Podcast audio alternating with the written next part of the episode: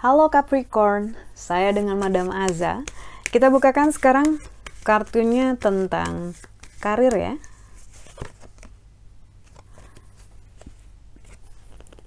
Kartu Temperance di karir ini menunjukkan bahwa perjalanan perjalanan kamu masih panjang ke depannya dengan apa yang sedang kamu upayakan saat ini.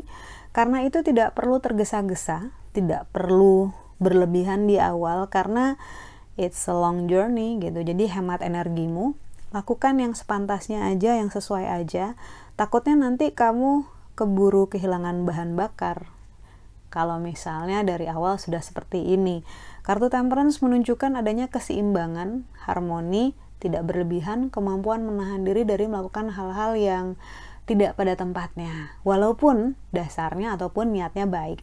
Jadi ditahan dulu, nggak usah full force dari awal mungkin ya untuk karirnya, tapi lebih kayak steady ataupun konsisten. Untuk percintaan, Capricorn, kartu yang keluar adalah The Moon ada keraguan-raguan ataupun ketidakpastian, kalau menurut saya sebenarnya bukan masalah besar ya. Hanya kadang-kadang maaf, kamu suka overthinking gitu. Hal-hal yang nggak perlu dipikirin, dipikirin dan akhirnya jadi masalah dan pusing sendiri, kemudian nggak puas dengan situasi.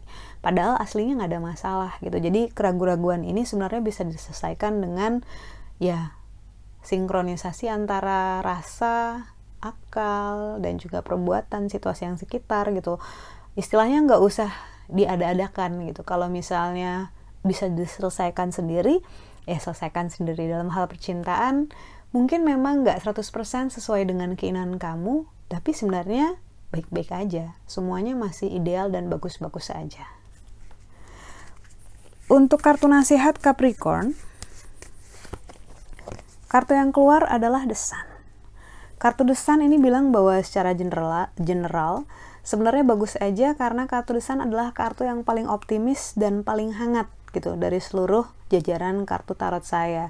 So, ini digambarkan oleh dewa-dewi yang bermain harpa, bunga yang mekar di taman, dan juga matahari yang bersinar cerah. Karena itu, kembali, nggak perlu overthinking dan cobalah untuk hidup di masa sekarang dibanding nyesali masa lalu ataupun berhayal tentang masa depan nikmati aja sekarang karena ini adalah masa-masa yang bagus menyenangkan hangat buat kamu. Sekian bacaannya semoga bermanfaat. Jangan lupa untuk like like subscribe share dan juga komen. Terima kasih